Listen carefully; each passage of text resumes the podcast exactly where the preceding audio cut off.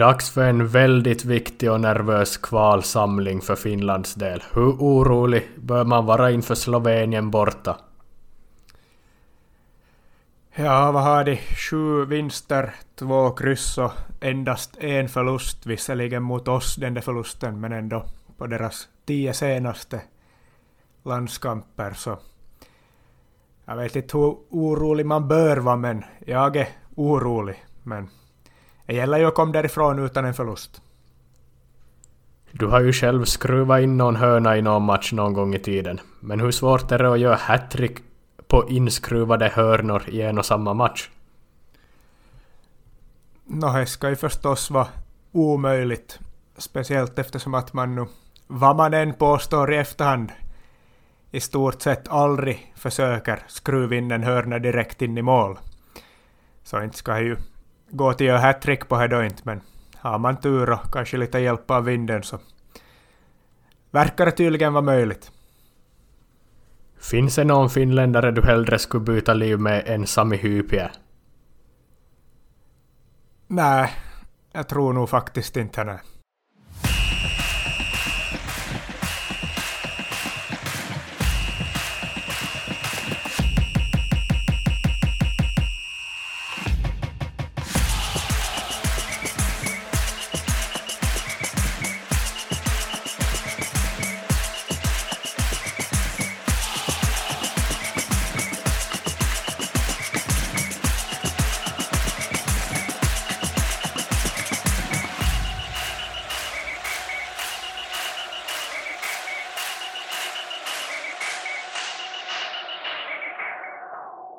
Ny vecka och nytt avsnitt och ja, vi ska såklart komma in på landslagets kommande kvalmatcher här senare men vi börjar med klubblagsfotbollen och HJK var ju slarva bort matchen mot VPS här igår och säkra inte ännu ligaguld även om det teoretiskt har varit klart sedan länge men ja. Jag vet inte om jag någonsin har sett ett mästarlag uppträdde så jäkla dåligt som HJK första kvarten igår mot VPS borta. Det var som... Ja, man var inte alls vakna, inte koncentrerade. Bedrövliga, släpper in två mål tidigt i matchen och hämtar förvisso uppe sen men VPS avgör ju dramatiskt i, i slutet på tilläggstid så HJK får vänt med och lyftbucklan ännu till, till nästa helg och ja, Kups vann ju också så är ju fem mål upp målskillnadsmässigt men ja, vi har ju redan varit in på att HIK vann guld men det måste ha svidit rejält för de HIK-supportrar som kom till Vasa i, i söndags då. Måste bevittna ett baklängesmål i 95 minuten. Ja, jobbigt nog både för supportrarna förstås, de kom dit och var inställda på att fira guldet men för spelarna också. Man vill ju som ha undan här nu att få avgjort. Och nu blir det till sista matchen då är förstås är det fem måls försprånget då som de har så inte kommer de ju tappa fast kups. Eller fast de spelar mot kups men ja.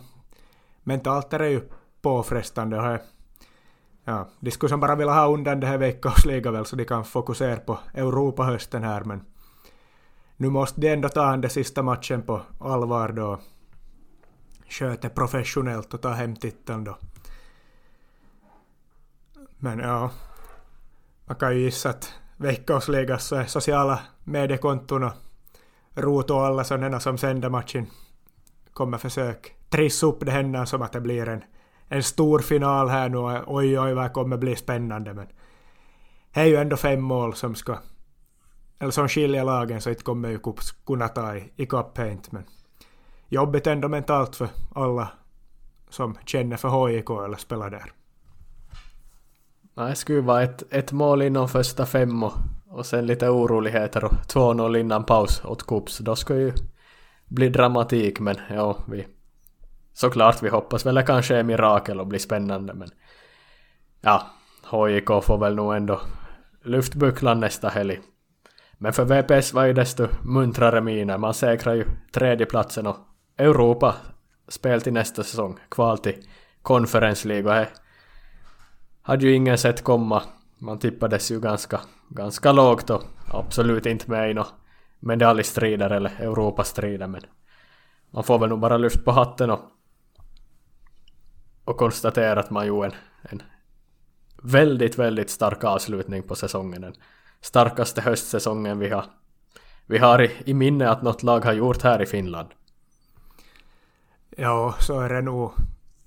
Förstås, det är ju bara en bronsmedalj. Inte har man ju någonsin sett någon klubb annars fira en bronsmedalj på det sättet, men ja, förstås, sättet det sker på avgör i 90 50 eller vad det nu var mot HJK som ska ta titeln då och efter den här andra halva på säsongen så det blir ju som att allt kulminerar i en belöning här då med bronsmedaljen och hela legender som avtackas och så vidare. Så det bygger ju på mer eufori än vad en bronsmedalj i veckosliga kanske annars skulle borde vara men vi har väl talat om det förr också att bronsmedaljer att hur mycket ska man nu fira en bronsmedalj men klart att det blir ju ändå stort när det sker på det här sättet och en, för en klubb som Vepsu fast man nu lite kan skratta åt också att hur, hur man firar en bronsmedalj men men det ska förstås ta sig ut i Europa också. Det är ju ett dubbelmöte ifrån här också ännu så är ju en ännu större belöning som kan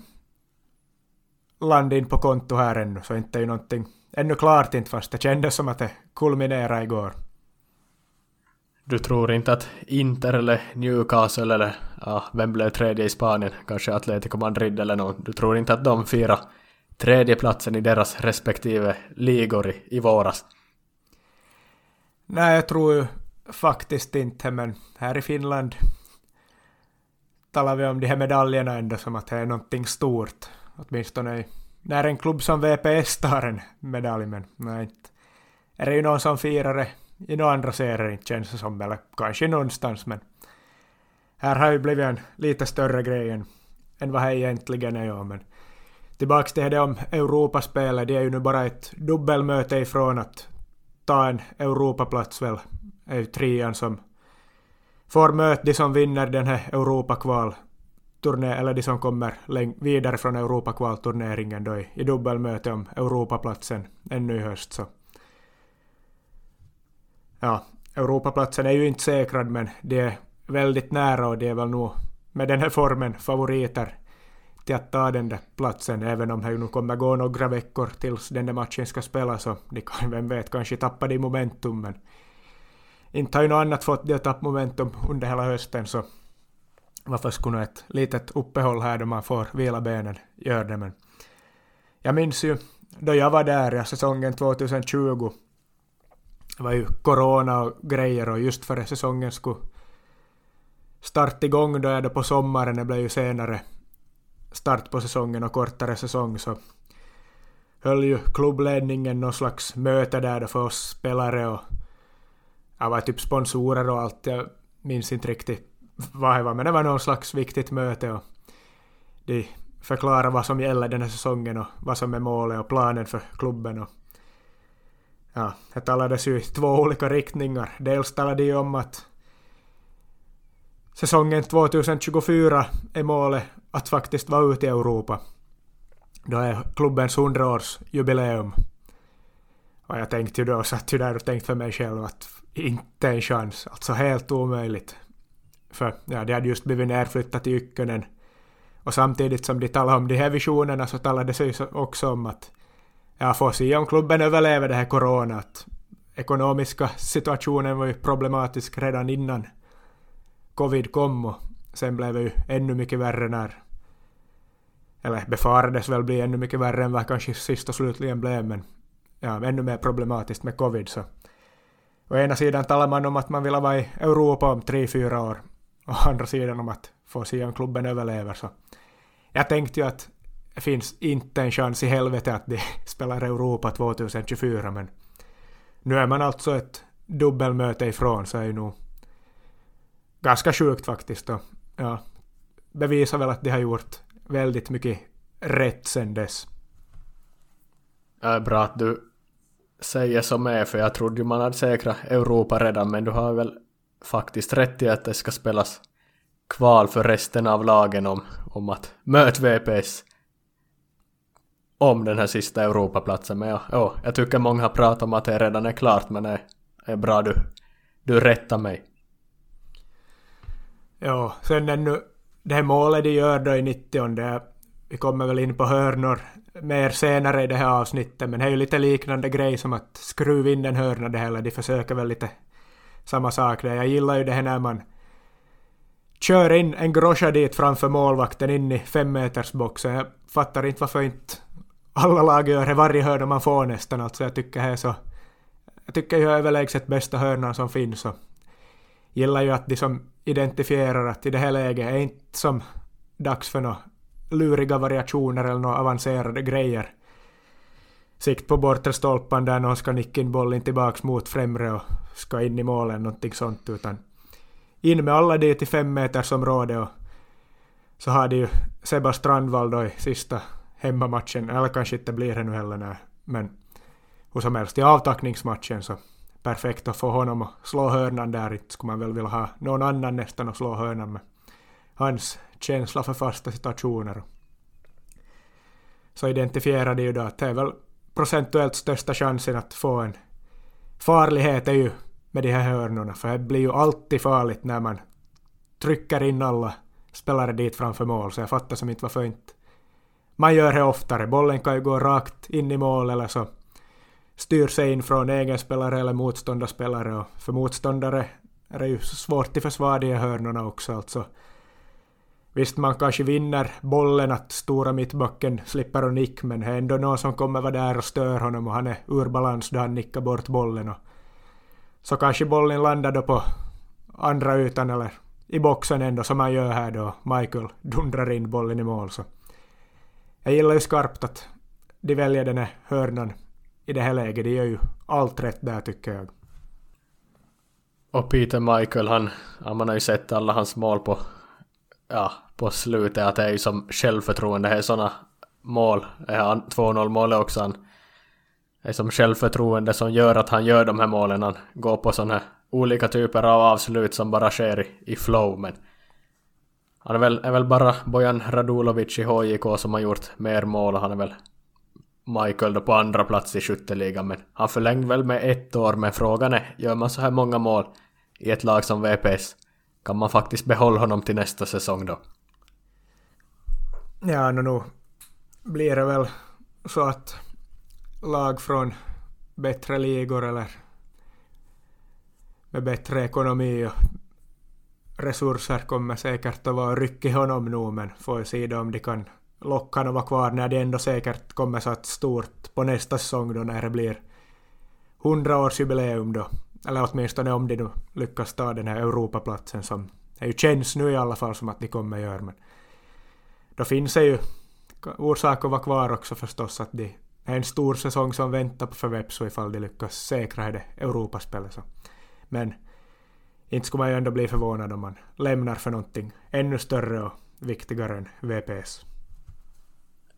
Ja, och den här matchen som du sa så tackades ju Sebastian Strandvall av, men också Steven Morrissey. Och du som har ändå tillhört VPS en säsong, även om du var skadad och inte kunnat göra så mycket mer än några tränings och cupmatcher i början, så du har ju ändå tillbringat tid med dem här. Vad är det för profiler och hur mycket har de betytt för, för klubben?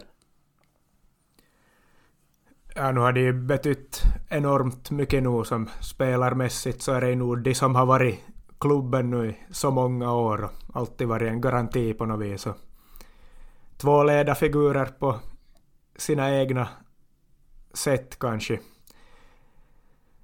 Seba är väl mer som en, som en man tänker kanske att en perfekt lagkapten ska vara på något sätt och visar alltid gott exempel och tänker på att alla i laget ska ha det bra och sånt och förstås sig själv också sköter kroppen och sig själv som ett exempel har man ju speciellt sett nu då han har varit korsbandsskadad att hur han ändå har hela tiden stöttat laget och, och vill han själv också ta sig tillbaka dit förstås och föregår som gott exempel för skadade spelare att i den där åldern så kriga sig ändå tillbaka. Så.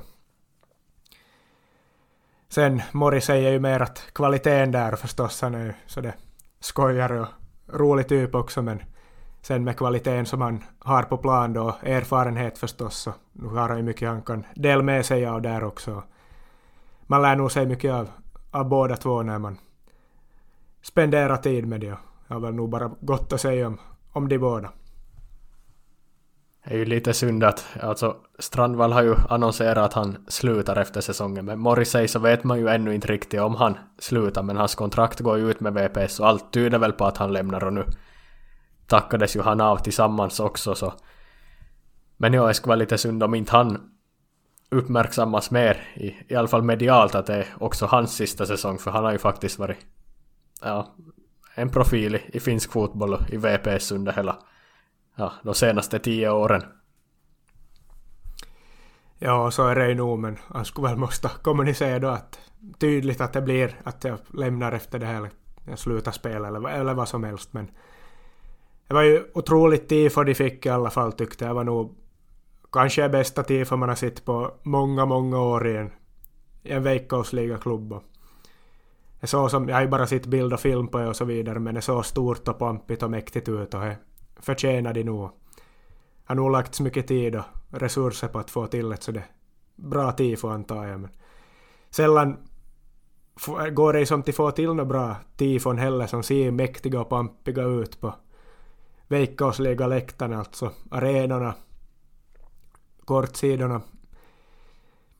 är begränsat som logistiken och hur de är uppbyggda är på något sätt finns inte alltid möjligheten att, att ha ett mäktigt tifo. Jag tycker som när klubben spelar Europamatcher på den där Bolt-arenan så det ser ändå så häftigt ut alla gånger inte som man skulle tänka att det borde vara eller i derbyna när kortsidan är som jag vet inte, det är ju för små helt enkelt för att göra som ett stort och mäktigt tifo men här tyckte jag nog verkligen att Gisers och hela Vepsu fick till hela det här. Ja, och vi ska väl inte gå in på det kvalspelet i Europa. Där ska väl också någon från nedre serien, är det AC Oulu som ska in i, i gröten igen. Det blir väl en, en enda röra igen och mycket matcher, men det blir ett senare skede. Det är lite konstigt att det är uppehåll nu, landslagsuppehåll, när det är bara en omgång som återstår av, av grund, eller av vanliga ligan, om vi räknar bort kvalen. Men i alla fall, Mariehamn tog ju en poäng i helgen och KTP förlorar och förlorar så det betyder ju att det är en jätteviktig match i sista omgången i Kotka. KTP Mariehamn och för Kotka räcker oavgjort. Men vinner Mariehamn så säkrar man kvalplatsen. Så den matchen blir ju... Ja, man har två veckor på sig att ladda upp för den så det blir ju en, en riktig höstdelikatess. Ja, två veckor på bygga upp ångesten där för alla inblandade så det blir nog ett häftigt möte. I nuläget känns det som att det är Mariehamn, eller som Kotkas veckosligaplats och förlor. Mariehamn har ju, som vi var in på, eller det har varit uträknat så många gånger så de har ju som bara allt att vinna känns det som. Men nu är det ett ångestmöte nu. Mariehamn de drog väl på sig två röda igår mot Lahti, tog ändå en poäng som nu inte egentligen gör någon skillnad. De måste ändå vinna oavsett om de skulle kryssa eller förlora igår men det blev ju lite svårare, eller ganska mycket svårare, när de fick målvakten Henriksson utvisad och därmed avstängd mot Kotka. Han har ju varit en av deras, om inte kanske deras till och med bästa spelare. Så ett tungt slag och där får vi se om Kotka lyckas utnyttja att de sätter någon sämre i mål då. Ja, och den som säkrar den kvalplatsen möter ju vinnaren i möte Gnistan mot antingen MP eller SJK Akademia. Gnistan är ju klar för en ja, playoff-final i Ykkönen, men vinnaren koras i möte Mikkeli mot SJK Akademia. Och där är det väl så att SJK kan väl inte få upp sitt akademilag i högsta ligan, så om de skulle gå och vinna det här kvalet så är det väl andra ja, förlorarna, Gnistan eller MP då som tar platsen, antar jag, som ska möta ja, Mariehamn eller KTP då. Ja, jag vet faktiskt inte. Det kan det ju vara så att de får ha två lag i Veikkausliga. Det skulle vara helt befängt och problematiskt på så många sätt som möjligt. Det skulle som förstör internationellt sett blickarna utifrån på finsk fotboll och veckosliga och som trovärdigheten och på allt. Ja, seriositeten och allt så men ja, eh, märkligt system så inte kan de ju få ha två lag inte men konstigt för alla inblandade också för SIK Akademia-spelare att spela de här matcherna och vet att ja, vi får väl inte stiga egentligen här, eller jag vet inte, tänk så får de stig, tänk, Eh, jag vet inte alls, det är så snurrigt hela grejen och man vill ju bara undvika att det ska bli så här så. Ja, förhoppningsvis förlorar de nu direkt här mot MP i alla fall så behöver vi inte fundera på saken. Ja, snurrigt är det som sagt i alla, alla ligor nu när det kommer en ny ykkösliga också. Vanliga ykkönen och kakkonen ska fortsätta. Då går vi in på nästa grej då, Vasa IFK som säkra kval till just ykkönen när man slog Herkules borta i helgen och jag var ju som vi har sagt att jag, jag har sett ganska svajigt ut men här på slutet så har resultaten i alla matcher gått IFKs väg och man har hittat formen själv också. Cheltim Chosa 11 mål under säsongen. Hans mål var också avgörande borta mot Herkules i, i söndags och är ju en spelare som har tagit riktigt stora kliv i år. En, en riktig sån publikfavorit som jag, jag gillar jättemycket att kolla på. Då han utmanar på sin, sin kant och han behövs verkligen han nu. Och ja. I kvalet möter man Ilves Kissat från Tammerfors. Är det något bekant lag för dig? Ja, jag tycker de alltid har varit lite oklara och när vi går in på historik och så vidare så finns det väl förklaringar till att det blir lite oklart men det är ju som de är från Tampere men i Tampere finns det ju också Ilves riktiga, eller inte vad ska man säga, Tampereen Ilves finns där, finns det Ilves kissat då så är ju som Ibland har man haft för sig att de här Ilves kissat är något farmalag till Ilves och ibland har man trott något annat. Jag vet inte vad som stämmer och inte stämmer och inte har man ju aldrig riktigt kolla uppe heller inte förrän kanske nu då när man... När det blev klart, det hände inte men... Ja. Ilves kissat. Kissorna eh, skrämmande namn i alla fall som... Där har de ju redan övertaget på IFK. Ja, lokatterna, men ja, Ilves kissat. Grundat 1932 i Viborg. Men har då av självklara skäl eftersom att Viborg inte längre tillhör Finland, att det finns på andra sidan gränsen österut nu för tiden så då flyttar man hela föreningen, hela laget flyttar till Tammerfors och där fanns ju redan Tampereen Ilves så Ilveskisset är egentligen grundat i Viborg men har flyttat till Tammerfors så är lite är krockar ju, där finns två Ilves då oklart så men när man har läst på lite nu så är det faktiskt en klassisk klubb dock ombildats och gått ihop med andra föreningar och sånt under några gånger för att överleva. Men 1950, finska mästare. Ja, det blir ju ett 50-tals tungviktarmöte det här då. Båda de här lagen var ju eller de här klubbarna var väl som bäst på 50-talet och bland de allra bästa i Finland så det är ju ett riktigt klassikermöte det här ändå. Så det är ju saftigt på det sättet och finns mycket intressant historik som kommer blandas in i, i leken, eller i alla fall så på förhand sett. Ja, när Ilves Kissat vann finska ligan 1950 så blev Vasa IFK trea, så man, man slogs i toppen och ja, alla som var med på 40-50-talet, ni kanske minns de här mötena. Och Hueva är väl inte några andra av oss som ens Ja, du sa själv att du trodde att Ilves Kissat var något farmalag till Tampereen Ilves, men ja, de har faktiskt, de har faktiskt en stolt historia att se tillbaks på. Jag såg på deras sociala mediekonton så första citatet där så står det ju att man är Suomen mästare 1950.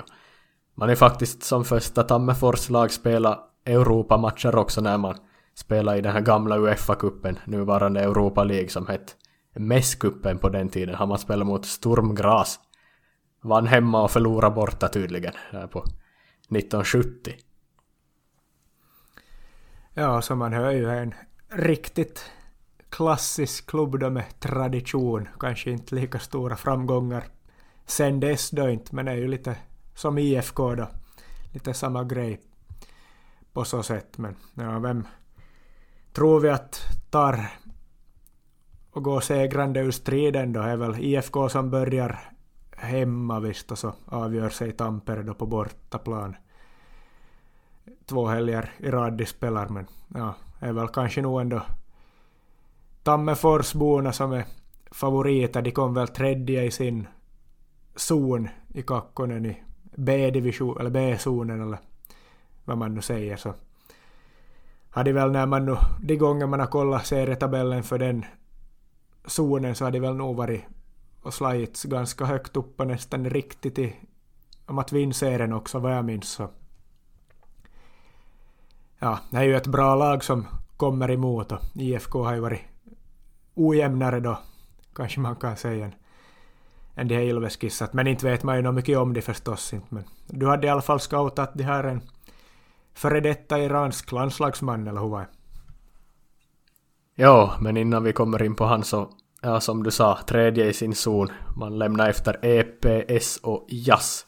Så man blev trea.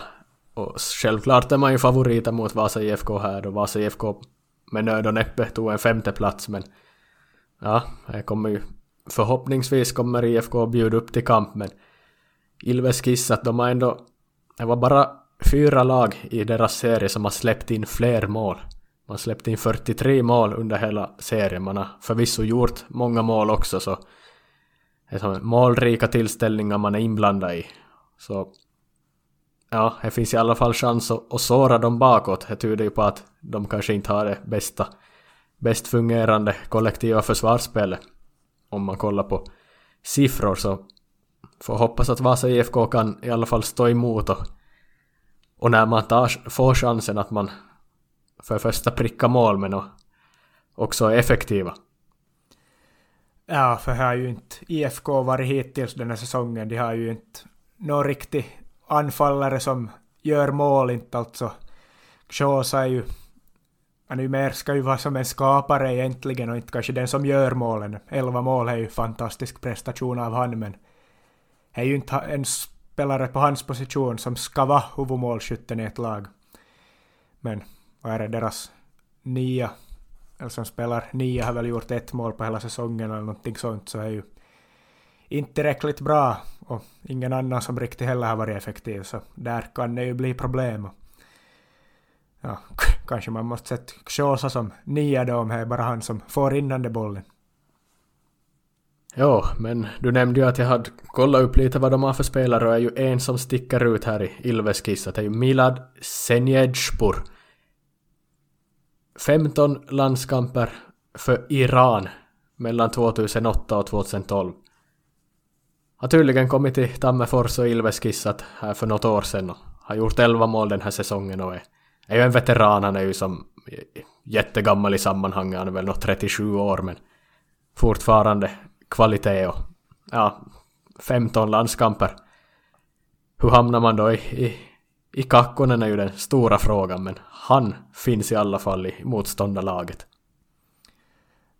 Det är ju faktiskt helt sjukt att en Irans lands, iransk landslagsman har inte bara en eller två landskamper utan 15 är ju ändå en hygglig mängd landskamper han har som då under en period och några år faktiskt säkert varit ganska ordinarie och säkert också varit på bänken och inte fått komma in eller i trupper ännu mer så han skulle kanske kunna ha mer då men ja, hur fan hamnar man i Ilves kissa till Kakkonen är ju frågan. Jag hade inte alls koll på att det ens fanns någon sån här där i klubben, i laget. Men ja, det är ju intressant. Sen såg jag att de har en amerikan jag tappar namnet på honom nu, men han hade gjort 11 mål också tror jag. Så där är väl deras två farligaste hot framåt i alla fall.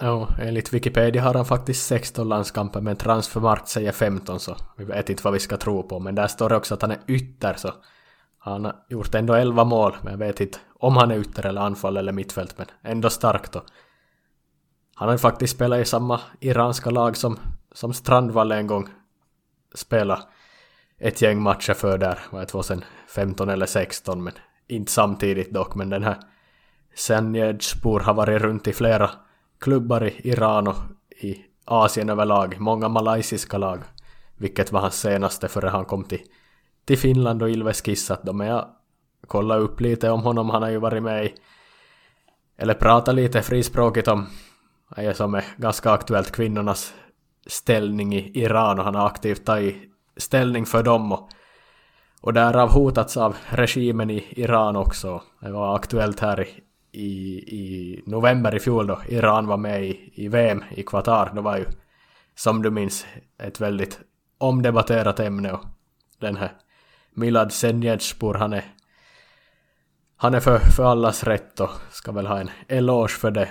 Men ja, han kanske inte får återvänt till Iran då, vi ska inte gå in på, på sådana ämnen, vi kanske är på, ut på djupt vatten, men han är i alla fall en, en som står upp för, för, för rättigheter. Låter som en vettig typ då, låter väl som en rimlig förklaring till att han är i Finland också och inte ja, kan ju hända att han inte får fals tillbaks till Iran faktiskt, men det är ju intressant att en sån karaktär ska ta sig an Vasa IFK här nu då sen oktober för en kvalplats till Ykkönen. Ja, de verkar inte ha någon riktig supportrar, det här laget. Det skulle kunna bli Tampere United i, i något scenario också. De har väl någon annan kvalmatch mot något annat lag de, men på lördag 14 oktober, kommande lördag, om ni lyssnar på det, som ni förhoppningsvis gör i rätt tid så, så hör ni klockan 18.00 alla till Sandviken. Vasa IFK mot Ilveskissat. Det blir inte mäktigare så sprid ordet. Kom dit. Upplev. Dålig fotboll men bra. Bra tryck på läktaren. Sen är det nästa helg bortamöte då i Tammerfors. Oklart vilken tid matchen spelas men spännande tider vi går, går mot nu i, på många olika nivåer i, i kvalspelet. Ja, det är ju perfekt den här hemmamatchen för Blue Hearts och Vasaborna att vad är klockan 18 på lördag är kvällsmatch. Blue Hearts kanske hinner få i sig några välbehövliga enheter för att prestera på topp på läktarna. Och Ilves Kissat får en sen bussresa då med hoppningsvis en förlust tillbaks till Tampere. Vasa IFK har slagläge inför returen är ju är optimala. Enda som är spökar är väl att landslaget också spelar på lördag kväll så det blir ju lite krångel där men det ska väl gå och lös på något sätt i alla fall för de som kan vara på plats. Ja, för förhoppningsvis är det så många som möjligt på plats och alla inte hoppar på The Vepsu Bandwagon som man ju har noterat att många med kanske IFK-bakgrund eller som inte förr har varit så stora supportrar av Vepsu har gjort, men här i, i helgen så var det nog, det var nog mitt i allt alla Vepsu här då, oavsett vad, hur här låtit och hur man har varit ställt till det tidigare. Men får jag hoppas att det finns något som bara är Vasa IFK kvar då också. Ja, så du tror det finns medgångssupportrar i, i Vasa, men ja, vi, vi ska ännu gå in på en grej från Kakkonen, men då är det södra zonen. Och med grupp A eller vad det heter, det måste väl heta Där var det ju så att PPJ vann med 8-5 mot Tips. Alltså Helsingin pallopojat vann mot Tikkurilan palloseura, där har ni förkortningarnas betydelse. Men det var ju en spelare som skruva in tre hörnor i samma match. Kelechi Anjamele heter han. Och ja, hur, hur lyckas man med en sån bedrift? Ja, det gick ju att se på Youtube. Det här var väl Iltalehti som hade uppmärksammat det och lagat någon länk till Youtube-videon där. Och jag slog ju en direkt. Det var ju som hela matchen som man måste spola sig fram till de målen, men de hade ju som tur skrivit ut vilka sekunder man skulle spola till, men man noterar ju direkt att det var en jävligt stark vind och det var väl typ i, i hela landet, eller åtminstone stora delar av landet här i helgen, både här i Åbo och där uppe i Österbotten såg jag. Så var det väl säkert här då i Helsingforsregionen då också. Ja, han hade ju medvind när han slog de här hörnorna så lite hjälper det väl nog kraftig medvind ska sägas men ja, inte ska ju gå egentligen att göra och knappast försöka nu. Skruva in de här hörnorna direkt i mål heller men som jag sa med Vepsos hörna och som ger resultat så försöker de ju åtminstone några av de här hörnorna om jag minns rätt så körde ju den här Grosjan dit alla in framför mål in i fem meters målområde dit så då blir det ju alltid farligt och då kan det gå så här och då kan det fast gå så här tre gånger en match så ja, och vad jag sa perfekta hörnan är alltid farligt när man slår hörnan på det här sättet och trycker in alla dit framför mål.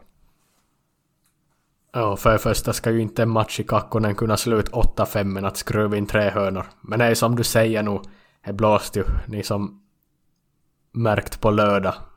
Ni som inte bor under en sten så märkte ju att det bor. Att det är blåst som bara den här storma i hela Finland på lördag. Och, och den här matchen spelas ju där på, på Jätkäsaar i Busholmen. Och där är det ju som bredvid vattnet nästan är ju som en en halvö där i Helsingfors så det stormar ju rejält och slipper att blåsa extra mycket där är som en sån arena utan och särskilt mycket som, som skyddar där också.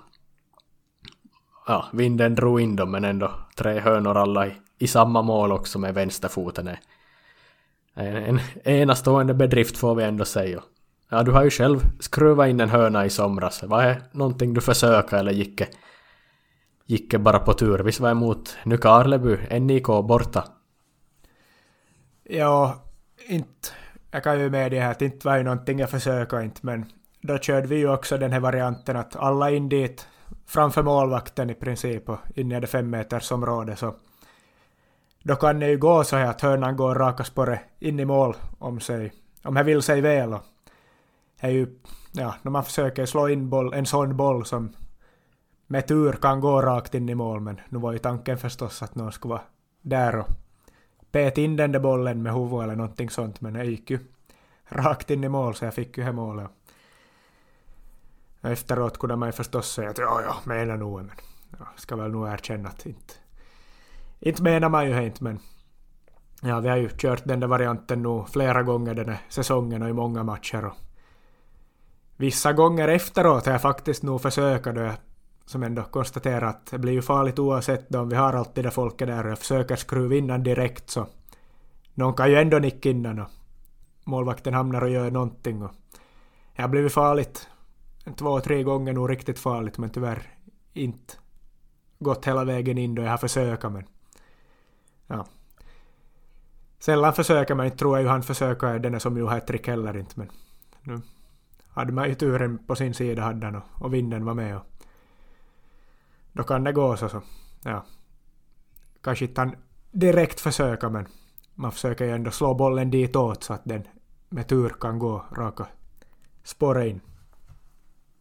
Och inskruvade hörnor direkt i mål är ju här som blir vanligare och vanligare för förr var ju relativt sällsynt och jag minns ju man pratade om det som något häftigt om det hände men om vi går tillbaks till 60-talet så när Nacka Skoglund kom tillbaks från, från Italien och proffslivet i Hammarby så skruvade han ju in en, en hörna i återkomsten för Hammarby på, på gamla Söderstadion, Johannes Hovs IP som hette på den tiden. Han, väl bara någon minut in i matchen så skruvade han ju in en hörna och är ju en sån där myt som har levt kvar för alla de som var där. Att jag var där då Nacka skruvade in en höna och jag skrevs och, och berättades sägner och myter om mig. Det var ju som så stort att någon hade gjort någonting som är helt omöjligt att skruva in en höna direkt i mål inte så också att alla typ säger att ja, jag var där, jag var där, men så var jag typ 5000 på matchen, men det är som typ 50 000 människor i Stockholm, ja, eller, ja, no, typ som säger att ja, jag var där, jag var där. Alla, alla var där, fast det, alla inte egentligen var där, men en sån myt som har blivit riktigt enorm kring Nacka Skoglund. Ja, så är det. Nacka Skoglund är nog en profil som är nog en av mina absoluta favoriter att, att grotta ner sig i, att läsa på och koll på klipp och dokumentärer och, och hör berättelser om hans liv och, och karriär är nog faktiskt en, en magisk profil. Men ja, vi ska inte... Vi skulle kunna sitta och prata i fem timmar om Nacka Skoglund, men det är ju EM-kval som kör igång nu igen i, i veckan och vi får gå in på det istället och där är det ju så att Teemu Pukki kommer i bra form. Fyra mål.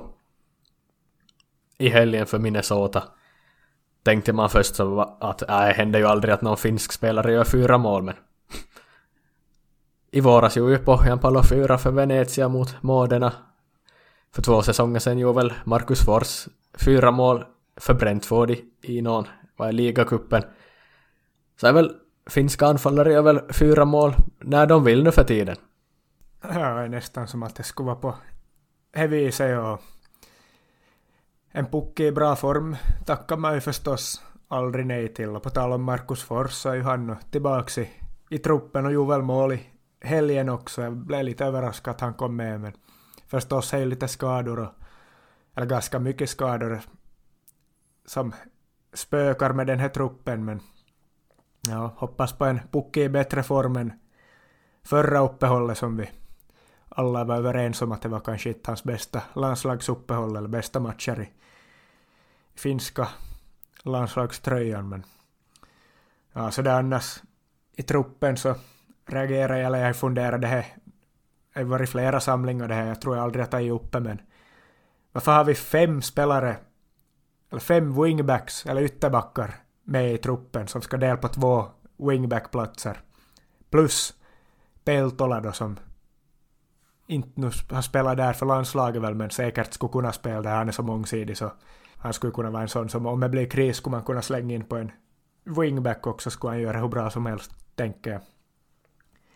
Men, eller ju inte behövas, för vi har fem stycken i truppen. Vi har... Ja, vem är det vi har? Vi har Uronen, vi har Soiri, vi har Alho, vi har Ollila och Pallas. Så. Ja, vad gör man med fem wingbacks i en landslagstrupp? Skulle inte man kunna ha spelare från andra positioner då också istället? Plus då Peltola som skulle kunna vara reserv wingback vet inte vad som tillför henne på träningen då heller när man vill köra 11 mot 11 att fyra skulle vara då att båda lagen om man kör 11 mot 11 har varsin wingback men vad gör vi med fem wingbacks? Det begriper jag faktiskt inte så det känns lite som resursslöseri. Kanske här på kanterna vi ska gå fram då mot Slovenien borta nu i, ja, på lördag kväll och det blir ju, blir ju inte lätt. Nej, det blir ju inte speciellt, ja vi har ju som inte egentligen annars så mycket yttrar heller som vi spelar med, eller det beror ju på, vi har ju varierat lite fram och tillbaks men det är ju som inte att det är wingbacks eller ytterbacksen kommer spel som yttrar heller, att om vi vill försvara eller något sånt. Eller kanske i något skede, men ändå knappast. På tal om yttrar så är ju Oliver Antman är ju skadad och missar väl, missar väl både de här matcherna och sen i november det avgörande. Åkte på en skada därefter. Eller det var väl i senaste landskampen, var mot Danmark han skadade sig eller hur var jag minns inte exakt men han är ju bort nu så. Det är ju ett tungt tapp, vi vet ju alla hur bra form han har varit i så det kommer kännas. Så där är man ju lite överraskad att inte Topi Keskinen då kom med istället som ersättare. Efter sån succé som han ändå har gjort den här säsongen med HJK liknande spelartyp, lever på snabbhet och utmanar. Gör poäng så känns dessutom som att han är, har så bra go så att varför skulle vi inte ta med honom men vi tar fem plus en wingback istället. Lite märkligt tycker jag. Men ja, det är väl ungefär vad man hade att fundera kring om truppen. Ja men det är ju skarpt läge nu är ju Slovenien och Danmark på 13 poäng, Finland och Kazakstan på 12 så, så du var in på att undvika förlust och det är väl Ja, det är väl absolut vad man måste göra. Att gå och vinna den här matchen, då är det ju som... Då är allting, allting ljust, men om, om vi förlorar då är det... Då är det mörkt, då är det svårt. Då är det riktigt svårt och vi vet ju att Jan Oblak är tillbaka i Sloveniens mål nu också. Han var inte med när Finland var med 2-0 i, i juni. Men jag är faktiskt orolig. Höstmatch, oktober. Kväll, bortaplan. Jag, jag ser nog... Jag ser... Jag, jag är negativt inställd till mycket och jag är rädd. Rädd för den här matchen måste jag säga. Ja, samma här nu, speciellt med skadesituationen då som inte är optimal och vi får inte alla spelare vi kanske skulle vilja ha på plan. Ja, Slovenien som, som jag sa i inledningen har bara förlorat en av sina tio senaste, vunnit sju av dem. Förlusten kom ju mot oss förstås, men då var inte Oblak med. Det påverkade nog till viss grad resultatet. Vi fick något mål som nog Oblak skulle ha räddat, men nu är han tillbaka, det är bortaplan. Det är oktoberkväll som du säger i Slovenien, det är inte en tacksam uppgift, men chans har vi ju ändå förstås att göra bra och vi har gjort det bra förr under Kanerva i sådana här liknande lägen så fast jag är orolig så litar jag nog på att de kommer ge oss en, en bra insats och kommer ge ett... Ja, de kommer, vi kommer inte skämma ut oss, vi kommer inte klappa igenom, vi kommer inte ha förlorat matchen efter en kvart eller som så att ligga under 3-0 efter 20 eller något sånt, utan vi kommer göra en rejäl match och vi kommer ha goda chanser och undvika förlust. Chansen finns till och med att vi vinner förstås, men oavgjort skulle jag nog vara riktigt nöjd med. För då... Ja, Slovenien är ju ännu en poäng före i så fall, men de har ju betydligt svårare spelschema än oss då sen av de resterande matcherna. Jag räknar inte med att det går rent i de matcherna medan vi borde ha ganska bra chanser att vinna varje Kazakstan hemma, Nordirland hemma och San Marino borta förstås. Vi ska varken underskatta Kazakstan eller San Marino, eller vad heter det, än Nordirland, men vi borde i alla fall ha alla chanser i världen att gå rent ur de matcherna, så fixar vi ett oavgjort här så ser det nog ljust ut. Ja, om vi bara kollar till den här samlingen så är det som sagt Kazakstan hemma efter Slovenien borta då så.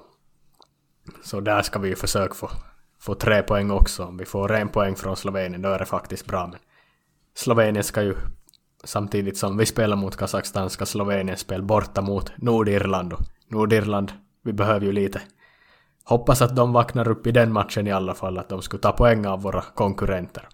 Så tror vi väl också att Danmark blir i princip klara efter den här samlingen. Man har Kazakstan hemma och San Marino borta och kommer troligen stå på 19 poäng efter den här samlingen. Så det är ju andra platsen vi får, får jaga. Ja, men det blir ju nog spännande in, in i det sista. Det kommer avgöras i sista omgången, men som sagt, det gäller att undvika förlust för förlorar vi den här då är det fyra poäng upp till Slovenien och dessutom då Danmark som lär bli klar nu den här samlingen så ja, man hör ju själv, får bara, får bara inte förlora den här Slovenien-matchen, så enkelt är det ju. Det är ju skönt i alla fall att det är ganska tydliga förutsättningar inför matchen.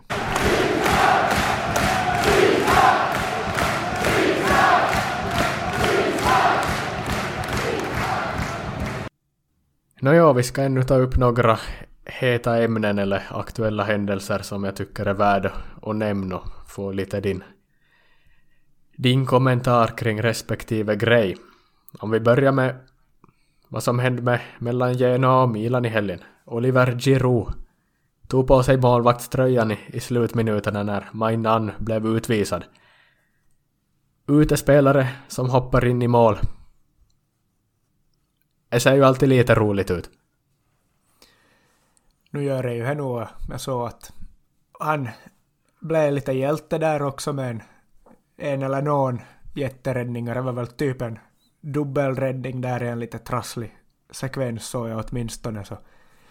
Annars har jag inte riktigt hunnit hänga med med allt fotboll som har spelats den här helgen. Jag har haft fullt upp med, med annat. Men ja, mäktigt med utespelare i mål är ju alltid kul när det händer. Och speciellt när de gör det bra överraskar så händer som Gerudio.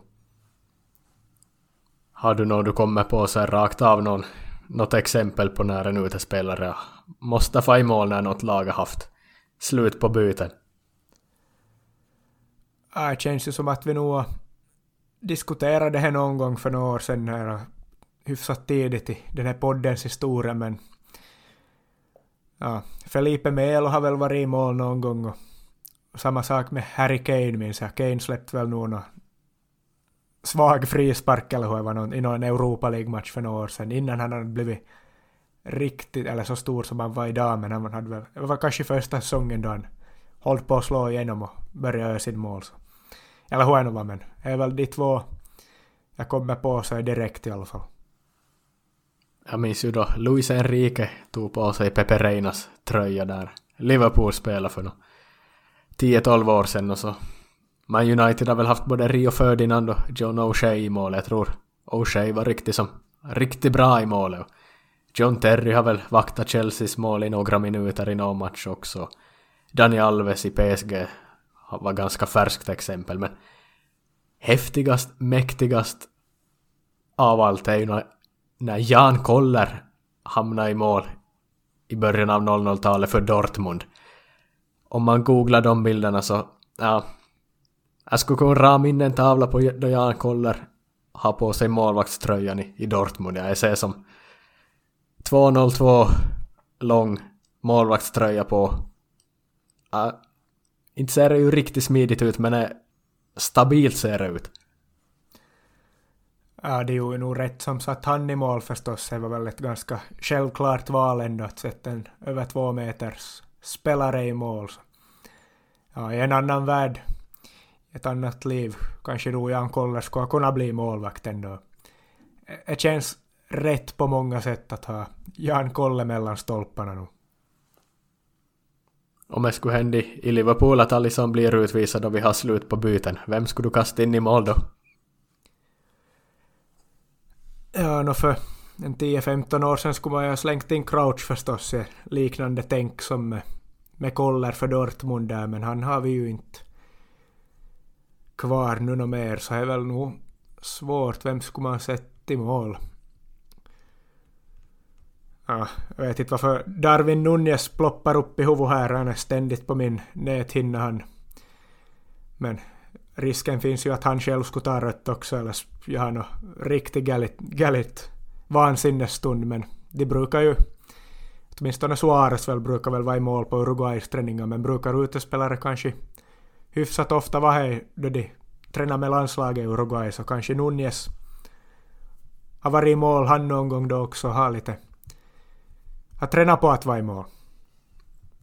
Jag tänkte på exakt samma sak. De brukar ha olika läkare och, spel där på Uruguays träningar att utespelare i mål. Så där, där vi, tänker vi lika. Nu ja, vi går vidare. Jarrod Bowen har skrivit på ett nytt sjuårskontrakt med West Ham. är inte allt för vanligt. En, en sån spelare i det läget, i den klubben, skriver på för sju år. Det låter lite som NHL-kontrakten. Ja, det är väl samma övning som vi var inne på att Chelsea har börjat hålla på med här nu med den här amerikanska ägaren sen i fjol. Men det är ju Chelsea här och där händer för alla men i, i West Ham så är det ju...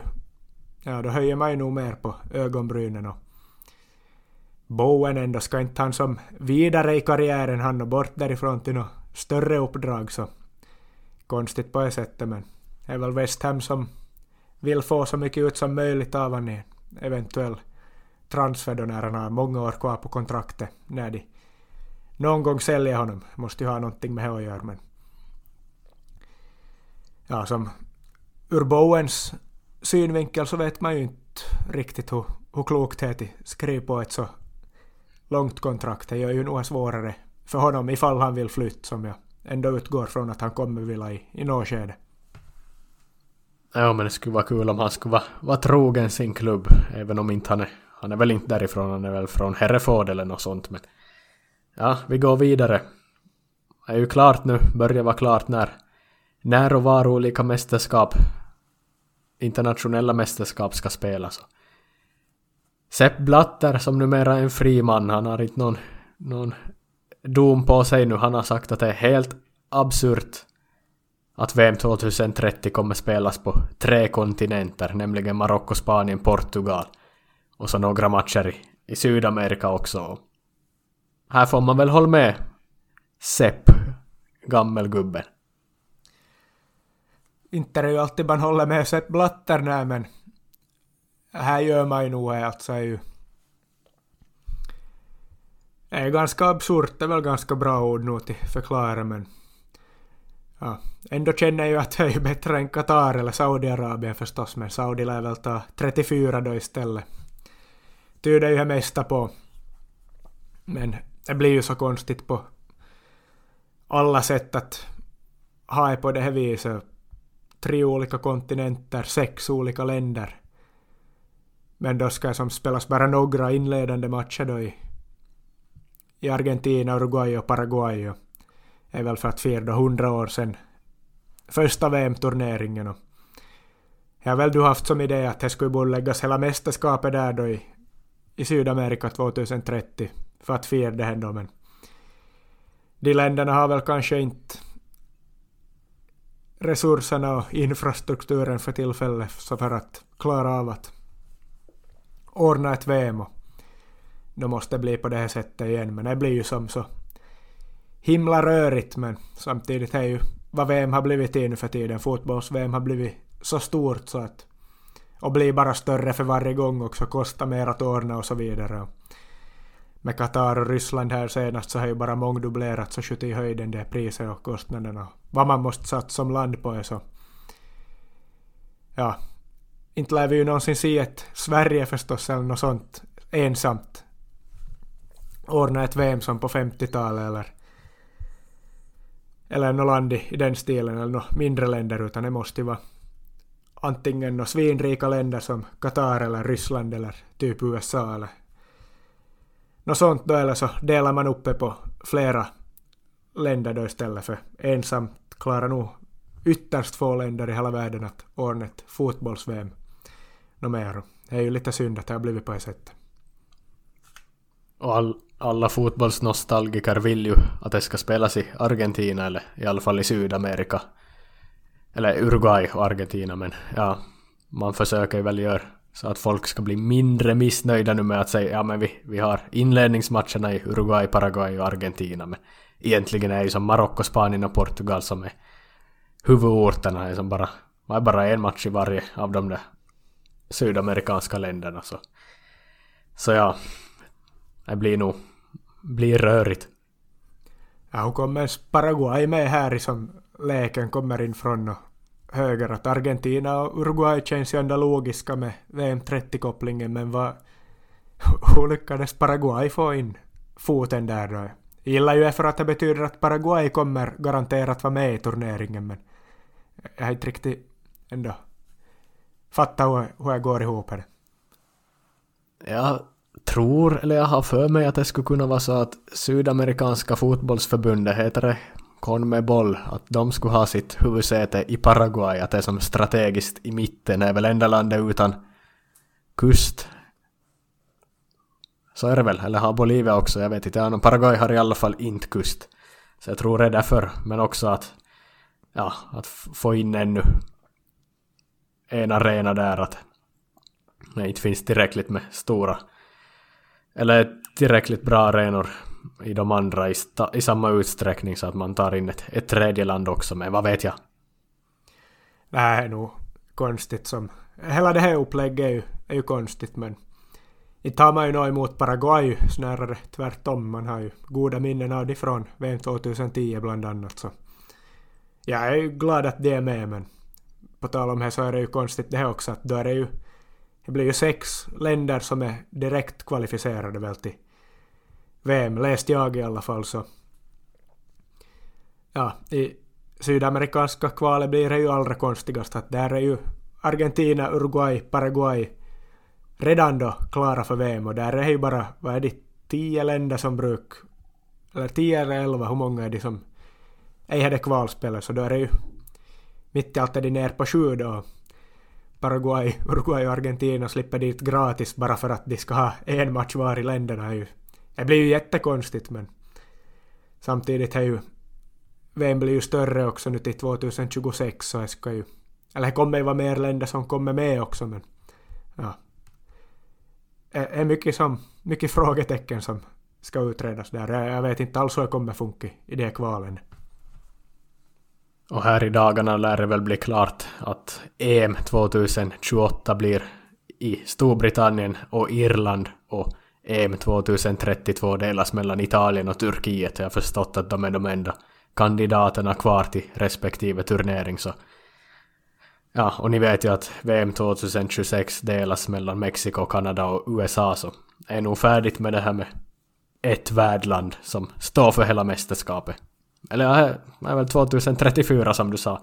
Saudi-domen. Ja, vi vet ju vad Saudiarabien har för vision med flygande taxibilar.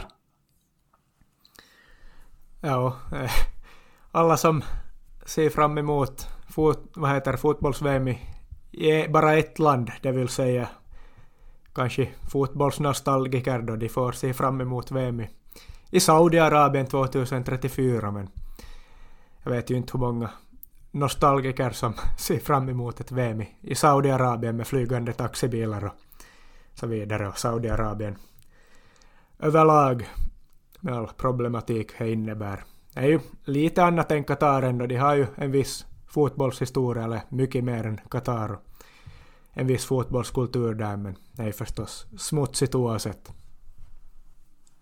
Ja, men vi ska som sista punkt avsluta det här avsnittet med att gratulera Sami Hypie för att han fyllde 50 år i helgen och ja, vi håller ju honom varmt om hjärtat som Liverpool-supportrar och jag tror också alla, nästan alla finländare har respekt för han oavsett fast man är Liverpool-supporter eller inte men men vad har hänt med han efter karriären alltså? Jag var i några år där träna Leverkusen, Zurich och Brighton men det gick ju käpprätt åt helvete till, till slut och hade någon märklig session i Haka som assisterande för några år sedan men ja, sen dess han lever ju livet fullt ut han nu han han kommer ju aldrig komma tillbaks till tränarbanan han har ju fattat nu att han han, han har så mycket pengar så han kan ha roligt resten av livet han och följer man han på, på sociala medier och i skvallerpressen alltså är ju inte är det många finländare som har lika roligt liv som Sami Hypia just nu i dagsläget i alla fall. Nej, verkligen inte som du säger. Han har fattat vad man borde göra i, i hans situation, är som inte håller på att vånda sig och kämpa med någon tränarkarriär som ändå går åt helvete, utan är väl lika bra att njuta av livet då. Han har ändå uträttat så mycket som nästan ingen annan finsk fotbollsspelare har uträttat, så klart man ska leva som en kärna då, även om man kanske inte så personlighetsmässigt är som någon kärna så ännu, utan är typisk finne på många sätt och är, är ju många lagkamrater från Liverpool och så också bevittnat om att i omklädningsrummet att han är ganska som, som man tänker sig finner att hyfsat tystlåten, rak och ärlig och så vidare men ja, han åker runt. Han är ju mycket uppe i Lappland och kör snöskoter och slalom och skidor och har kul där. Han håller sig i, i bra form också så inte gör det ju något om han tar en öl då sen när han kollar någon match och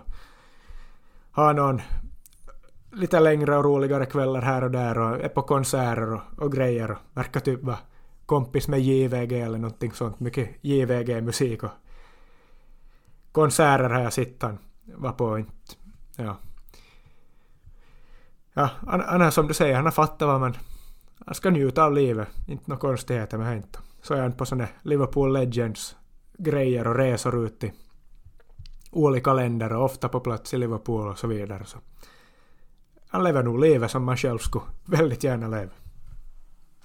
Jag är ju på sådana Legends-matcher är det ju alltid vissa som måste tacka nej för att de inte har tid men Hypia han, har passligt, jag kommer nog, han är ju hela tiden på varje Legends-game nu för tiden. Han och på supporterträffar i Sydostasien i Singapore och sånt brukar han dyka upp och som du sa, mycket vintersport och var på någon hockeymatch, någon sån där All Star Games och spela själv och motocross och snöskoter och slalom och åka runt världen och jag är väl ihop med en, en racingbrud också, Emma Kimiläinen, 15 år yngre. Han, han skilde väl sig för några år sedan efter att ha haft samma fru som ja, jättelänge då, men blev ihop med den här ja, racingprofilen Emma Kimiläinen då, men de gjorde slut i somras men nu kommer igår i skvallerpressen att de är ihop på nytt så är som lågmälda Sami Hypia han är med i massa skvallertidningar nu för tiden och är, är som... Inte så man ju är komma inte men han är ju som... Han är överallt och, och har roligt han nu för tiden. Ja, och det unnar man ju han förstås. Det är ju kanske många som glömmer det. Han kanske inte skryter själv om det på det sättet men jag kollar väl här då han fyllt 50 i helgen eller kommer ihop på alla sådana Liverpool-konton som gratulerar han att 463 matcher för Liverpool. Tänk att vi har en finne som har gjort 463 matcher för Liverpool. Vunnit Champions League och FA-cuper och ligacuper. Dessutom gjort 36 mål som mittback också. Han nickar ju in hörnor och dundrar in volley mot Juventus. Så.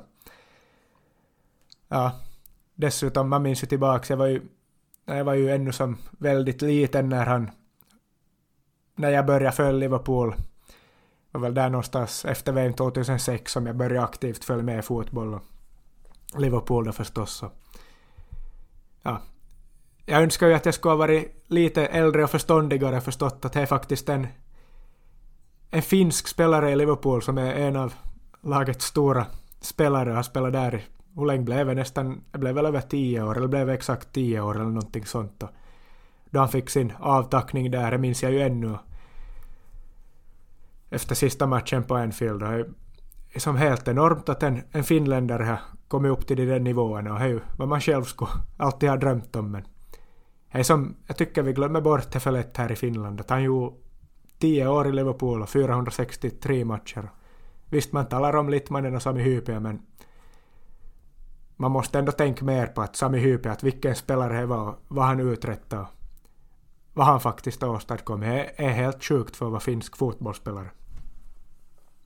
Ja, du har helt rätt. Har du noterat vilken gammal Liverpool-lagkamrat som alltid, alltid syns i hans sociala mediekommentarer, vem som verkar vara jäkla bra kompis med han, lite otippat faktiskt. Ja, kommer inte på nu så är rakt av. Det kan väl inte vara Mark Gonzales inte.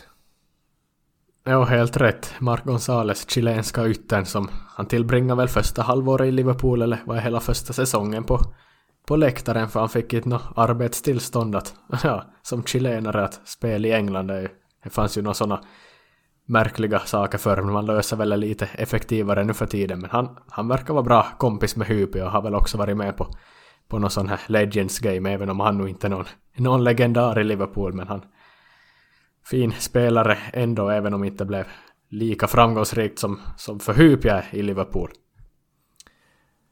Det är ju faktiskt otippat, ja. En finne och en chilenare är ju som ganska långt ifrån varandra står man som inledningsvis då. Vad gäller mycket i livet kanske, men fint att de hittar varandra och är ju sånt som fotbollen gör. Men ja, han var ju som, inte var ju så många säsonger i Liverpool heller, Mark Gonzales, så inte hade ju så mycket tid alltså Hypia ju spenderat mycket mer tid med, med andra spelare i laget. Men Mark Gonzales kan ju vara nu i efterhand och förstås säkert på sådana Legends-grejer och sånt som, som de kanske då har återupptagit vänskapen eller blivit ännu bättre kompisar eller på så sätt. Men ja, det är mäktigt på sitt sätt ändå. Ja, men med de orden så säger vi på, på återhörande och nytt avsnitt nästa vecka och då får vi väl kanske i framtiden hoppas att det kommer någon någon tv-serie, någon dokusåpa med, med Sami Hypias roliga liv. Ja, det får vi verkligen hoppas. Tack och hej för idag.